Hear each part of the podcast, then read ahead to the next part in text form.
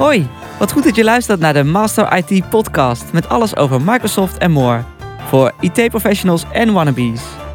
In deze podcast beantwoorden de beste IT-trainers van Nederland jouw vragen. Mijn naam is Ruud Kalmans en leuk dat je luistert. Vandaag in de studio beantwoordt trainer Hans Potsen voor ons de vraag: wat moet je weten als je een hybride servermodel onderhoudt?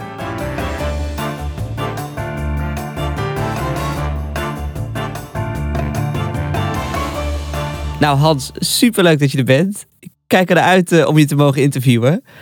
Voordat we beginnen, wat vind je nou leuk om over jezelf te vertellen, zodat onze luisteraars een beeld van je krijgen? Nou, ik vind het ook heel leuk om hier te zijn, Ruud. Uh, samen met jou eens uh, wat dingetjes doorspreken. Ja ik, ben, ja, ik mag mezelf nog steeds historicus noemen. Ik heb geschiedenis gestudeerd aan de Universiteit van Utrecht. Mijn eerste graadsles bevoegdheid gehaald. Een jaar met heel veel plezier in de Randstad voor de klas gestaan. Maar noodgedwongen in de jaren tachtig een switch gemaakt richting de ICT. Uh, begonnen in een IBM tandem mainframe omgeving, client-server leren kennen. Ja, en vanaf dat moment eigenlijk ben ik uh, meegegroeid op het Microsoft-platform. MCSE geworden, MCT geworden. ja, you name it, I did it. Behalve programmeren dan. En ja, sinds een jaar of 9 à 10 hou ik me ook bezig met Microsoft Cloud. Ja. En trouwens ook een stukje AWS. Ja, en die Microsoft Cloud, dat is de reden waarom we je vandaag hebben gevraagd. Hè? Want we gaan het hebben over die cloud en vooral verschillende modellen van de cloud. Hè? We hebben de public cloud, we hebben private cloud, maar we zien ook steeds meer een hybride cloud komen. Wat zijn nou de verschillen tussen deze vormen cloud? Bij een public cloud moet je denken aan spullen die uh, bij een eh, provider als Microsoft draait, op het Azure-platform bijvoorbeeld. Uh, grote voordelen daarvan zijn uh, schaalvoordelen, die zijn heel groot. Ja. Uh, je hebt een relatief goedkope cloudvorm. je hoeft zelf geen onderhoud aan het systeem te doen. dat is eigenlijk een kenmerk van een public cloud. Daarnaast heb je private cloud. Dat is mhm. eigenlijk het datacentrum wat bedrijven van oudsher zelf in onderhoud hebben. er zitten voordelen aan hoor, want de beveiliging is door jezelf helemaal optimaal te regelen. Mhm. Hoewel dat ook in de public cloud uh, de afgelopen jaren met name een enorme positieve vlucht heeft genomen. Je hebt volledige controle over je data, je hardware, je software, de beveiliging, de kwaliteit van de dienstverlening richting je gebruikers. En dat maakt het eigenlijk toch nog steeds wel de veiligste soort cloud. Eh, maar ja, het is specialistisch. je moet je mensen ook eh, continu op training sturen. dat moet je overigens überhaupt blijven doen.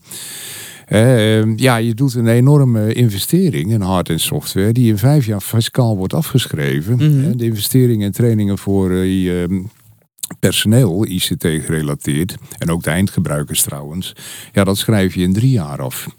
Nou, dat laatste, dat zul je houden, ook met de, de public cloud, maar met name die hard- en software investeringen, ja, die raak je kwijt. Je gaat over naar een ander model, ja. pay per use. Pay as you go wordt het ook wel eens uh, genoemd. Ja, en dat is wennen. Dat is voor een hoop organisatie een schakeling, schakeling maken, want ja... Het was eigenlijk, vond men, relatief overzichtelijk. Ja, en in die public cloud eh, ja, heb je vaak niet in de gaten hoe die berekening is. Er zijn wel tools voor, mhm. die geven je ook een indicatie. Maar hoe dat plaatje er precies uit komt te zien, dat merk je met name als de eerste factuur aan het eind van de mhm. eerste maand komt. Mhm. Die valt vaak heel hoog uit. Want ja, we vergeten om licenties weg te halen bij gebruikers die ze niet nodig hebben. We vergeten virtuele machines op de juiste manier uit te zetten. Uh, we vergeten soms ook een uh, slot te zetten op een resource group in Azure, waardoor een developer voor 5000 euro heeft geprogrammeerd. En een beheerder die zegt, nou wat erin zit, dat weet ik niet hoor, dat knikker ik weg. Dat is allemaal uh, overhead. Mm. Nou, daar hoor je die developer niet over klagen, want die mag het nog een keer gaan doen. maar ja, dat, dat zijn dingen, die kom je dan, ja, daar kom je toch een beetje mee op de koffie natuurlijk. dus ja, dat is wennen ik heb wel eens de vraag gekregen van Hans, is er ook ergens een prullenbak waar ik het weer uit kan halen met betrekking tot zo'n resource groep? Dan kan ik zeggen nee, maar zie het positief in. Het ruimt wel lekker op, dat wel. Maar daar is men toch wat minder blij mee. Ja, en die hybride cloud, dat is natuurlijk de best of both worlds. Je houdt eh, bijvoorbeeld je gevoelige data on-premise, in je Mhm. eigen datacentrum. Ook de applicaties die niet de cloud in kunnen. Mainframe applicaties, oude applicaties, oude meuk noem ik het wel eens. Ja. Eh, en ja, je draait dan de nieuwe eh, software applicaties vanuit de cloud. En dan heb je eigenlijk de best of both worlds. Mhm.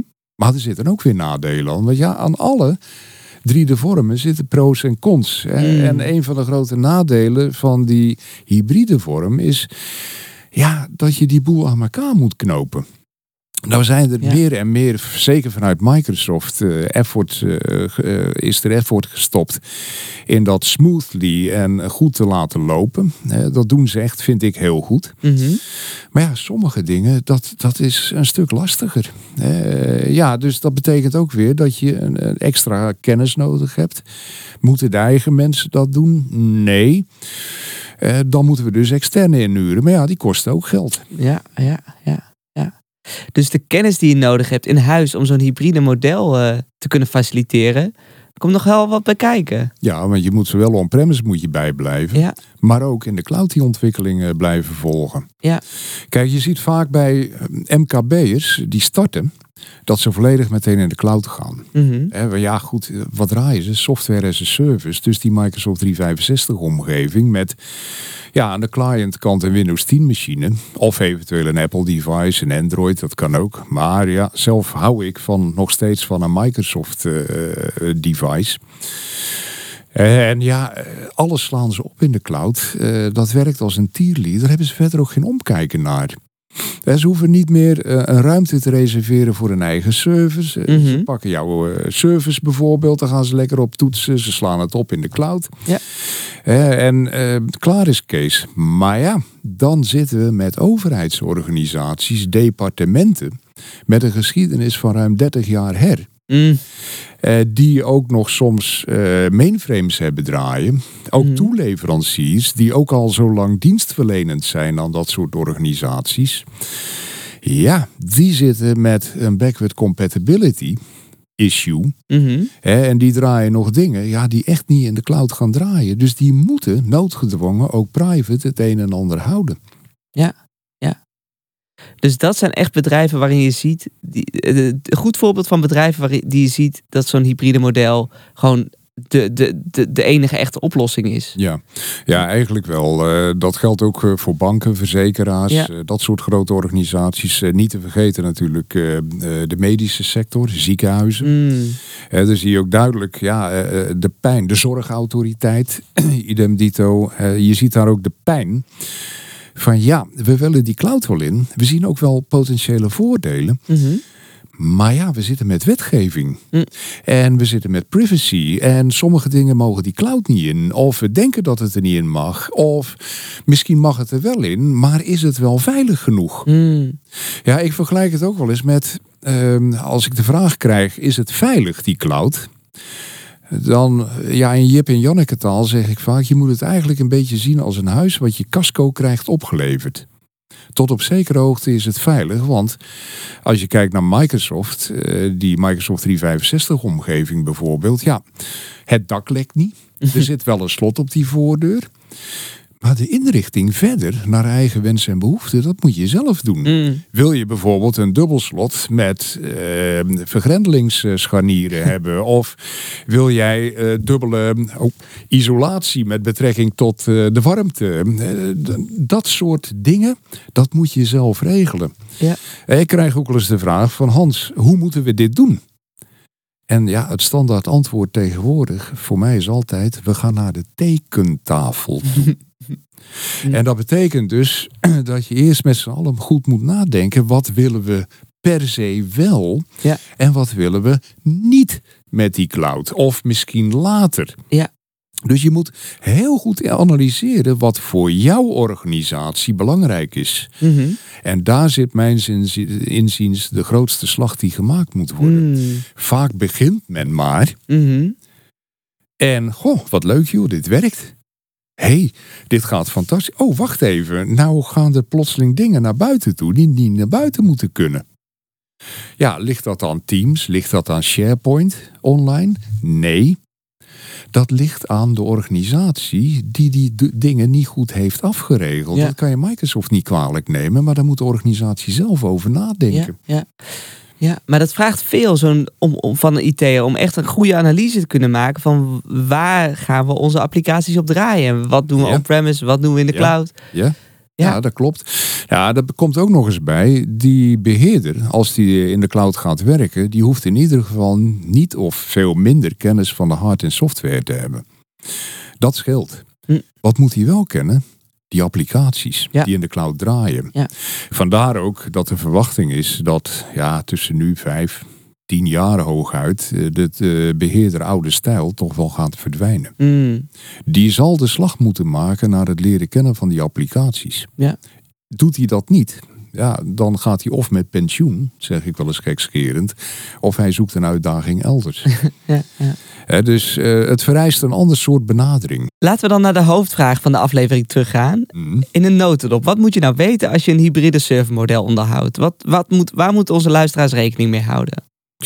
Je moet ervoor zorgen dat je het on-premises eh, server eh, gebeuren goed eh, in de smiezen hebt. Mhm. zeg maar. Dus je moet je kennis, als je al een tijdje meedraait, on-premises up-to-date houden. Want die ontwikkeling gaat nog steeds door. Microsoft stopt wat dat betreft nog steeds effort in het ontwikkelen van nieuwe serveromgevingen. Mhm. Ehm, in de cloud kun je die servers ook draaien. Maar dan moet je vooraf eh, de juiste machines zien te kiezen. En dat is natuurlijk ook een dingetje. hè. Mm. Dus je hebt, ik weet niet hoeveel mogelijkheden om servers uit te rollen. Alleen ja, eh, in je eigen omgeving prik je er gewoon wat hardware bij. Dus je hebt rechtstreeks invloed op eh, die server, zeg maar. Ehm, in de cloud ligt dat anders. En dat betekent dus dat je zowel kennis moet hebben van de cloud, server draaien, gevirtualiseerd, als on-premises. Dat is een hele hoop. Eh, Ja, dat is niet gering. Ja. Vandaar dat het soms ook voordelig kan zijn om, eh, ja, omdat je ook eh, ja, eigenlijk niet meer echt aan die cloud ontkomt, Mhm. om zoveel mogelijk meteen in die cloud te draaien, tenzij het niet anders kan. Ja. Ja, goed, ik kom nog steeds ook bij bedrijven, eh, ja, die leveren dan ook, eh, er zijn toeleveranciers voor bijvoorbeeld het ministerie van Defensie, Mhm. DOS-applicaties tegen. Wauw. Ja. Nog steeds. Ja, ja, ja. Oh. ja dus ja, we zitten wat dat betreft met ja, ruim 30, 40 jaar historie. Dingen zijn ooit ontwikkeld. Dat Ja. draait nog goed. Ja. Dat willen we eigenlijk ook niet veranderen. Of het is niet meer te veranderen, want dat heb je ook nog wel eens. Mhm. Ja, en dat moet je dan maar in de cloud zien te draaien. Wauw. Ja, Ja. Dus, ja, dat is af en toe lachen hoor. Eh, ja, ja. Dan kom je binnen en dan zeg je van... joh, hebben jullie hier nog een windserver? Ja, we hebben net BIOS georiënteerde applicaties. Ik zeg, oké, eh, kan je die oude meuk niet eh, uitfaseren bijvoorbeeld? Eh, nou ja, nee, eh, want dat is maatwerk geweest en dat draait nog prima. En dan kom je niet alleen tegen bij grote bedrijven... Mhm. maar bijvoorbeeld ook in een garage. Goh. Ja. En dan, dan wordt er een kar binnengereden als ik met mijn LPG-auto naar binnen rijd. En ik denk, god, er staat een pc op. Vraag ik ook, joh, mag ik eens kijken? Nou, dan eh, gaan ze dat aansluiten. Ze drukken op die powerknop en wat staat erop? Windows 95. Eh, ik zeg, joh, eh, weet je dat dat niet meer ondersteund wordt? Ja, dat weten we. Ik zeg, oké, stel nou dat dat ding kapot gaat. wat ja, dan? wat dan? Hans, daar willen we liever niet aan denken. dat is dan het antwoord. Ja, ja, ja. Ja, en dat, dat gedachtegoed wat bij garages leeft, dat kom je dus ook tegen bij Mm. grotere bedrijven Mm. met die oude applicaties. We kunnen niet van die applicaties af. ja. Hè, die moeten we meenemen. Dus ja, dat betekent, als ze echt niet in de cloud kunnen draaien, dat je ze Mm. on-premises moet houden. Nou, en Microsoft ziet natuurlijk ook dat veel bedrijven een hybride oplossing hanteren. Dus ze hebben onlangs een nieuwe certificering geïntroduceerd. Hè? De Windows Server Hybrid Administrator Associate. Dat is echt de eerste hybride server eh, eh, certificering. En na het volgen van twee trainingen en het maken van twee examens heb je dus die certificering in handen. Mhm. En nu ben ik wel benieuwd, wat is je indruk van dit nieuwe traject? Op het moment van dit interview is eh, nog vrij weinig bekend. Want Mhm. Ik heb, toen je dat vroeg aan mij, eens even gezocht op het internet. Ja, Nou, het cursusmateriaal is er nog niet. De examens kunnen geloof ik ook niet, nog niet gedaan worden van een aantal van die nieuwe dingen. Dus ik moet het doen met een beschrijving. Mhm. Ja, dat ziet er heel goed uit. Want je hebt dan eigenlijk die mengvorm van on-premise eh, server draaien. Op het nieuwste platform natuurlijk ook. eh, met de cloud mogelijkheden gecombineerd in één. Ja. Dus ik denk dat voor heel veel organisaties het heel zinvol zal zijn om eh, de eigen mensen sowieso Mhm. eh, naar die trainingen te sturen. Ja. Sowieso merk ik al decennia lang dat op het moment dat eh, beheerders een tijd geen training hebben gehad, whatever the reason, ja, dat er toch wel aardige gaten zitten in de kennis, niet alleen. En als die kennis is blijven hangen, de nieuwe functionaliteiten die ontbreken dan. Oh, kan dat ook? Goh, is dat sinds kort? Dan hebben we het over Server 2019 bijvoorbeeld. Ik zei, nou, dat zat al in de Server 2008 hoor. Eh, Oh, nooit geweten. Ja, ja. Ja, kijk, ehm, eh, vaak is eh, trainingen, opleidingen volgen een, een sluitpost. Ik heb ooit bij een groot departement meegedaan aan het binnenhalen van een traject. En ja, die kochten heel veel hard- en software. En dan wilden ze vervolgens ja, in een eh, halve dagsessie eh, de mensen opleiden. Ja, toen heb ik ook de vergelijking gemaakt van ja, eh, weet je wel zeker dat je dit wil doen? Want je Hmm. schaft in feite een dure Maserati aan en je legt de goedkoopste, alle goedkoopste banden eronder. Hoe denk je dat die Maserati gaat rijden? Ja, ja, dat was wel zo. En toen werd gekozen voor een gedegener aanpak. Ja. Want ja, je bent je geld niet kwijt. Je investeert in je mensen. Ja. De mensen investeren ook in zichzelf. Zeker op het moment dat ze ook eh, willen gaan certificeren. Mhm. Ja, en eh, dat betekent gewoon dat je ja, het beste uit je spullen haalt. En dat is niet alleen eh, qua serveromgeving, maar ook voor je eindgebruikers. Mhm.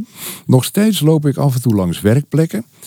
En dan zie ik bijvoorbeeld een secretaresse, verder een prima dame, gaan selecteren stukken tekst met die muis door te slepen.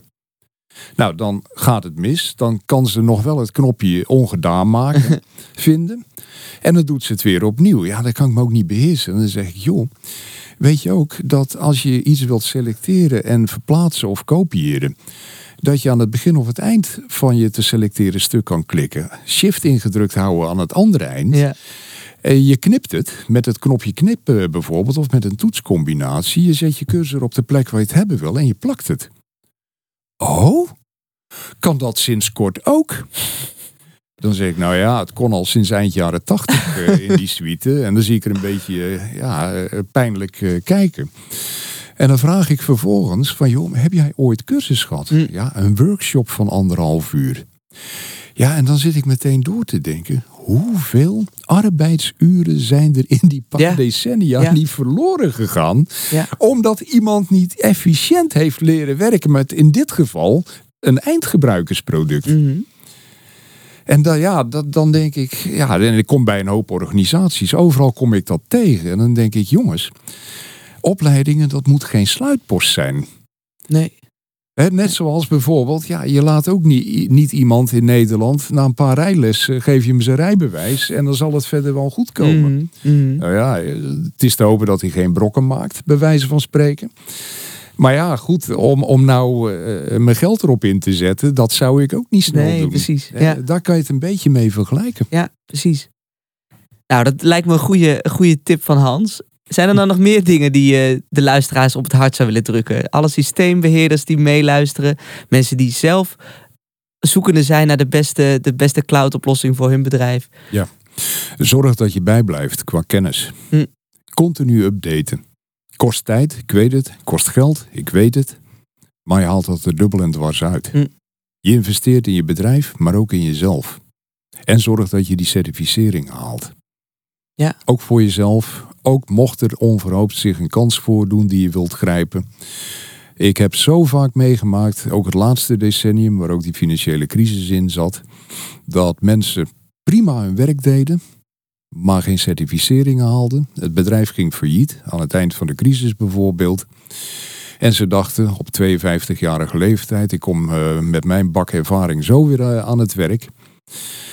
Ja, en dan is plotseling eh, de conclusie, eh, ja, maar je certificeringen, ja, die heeft hij niet.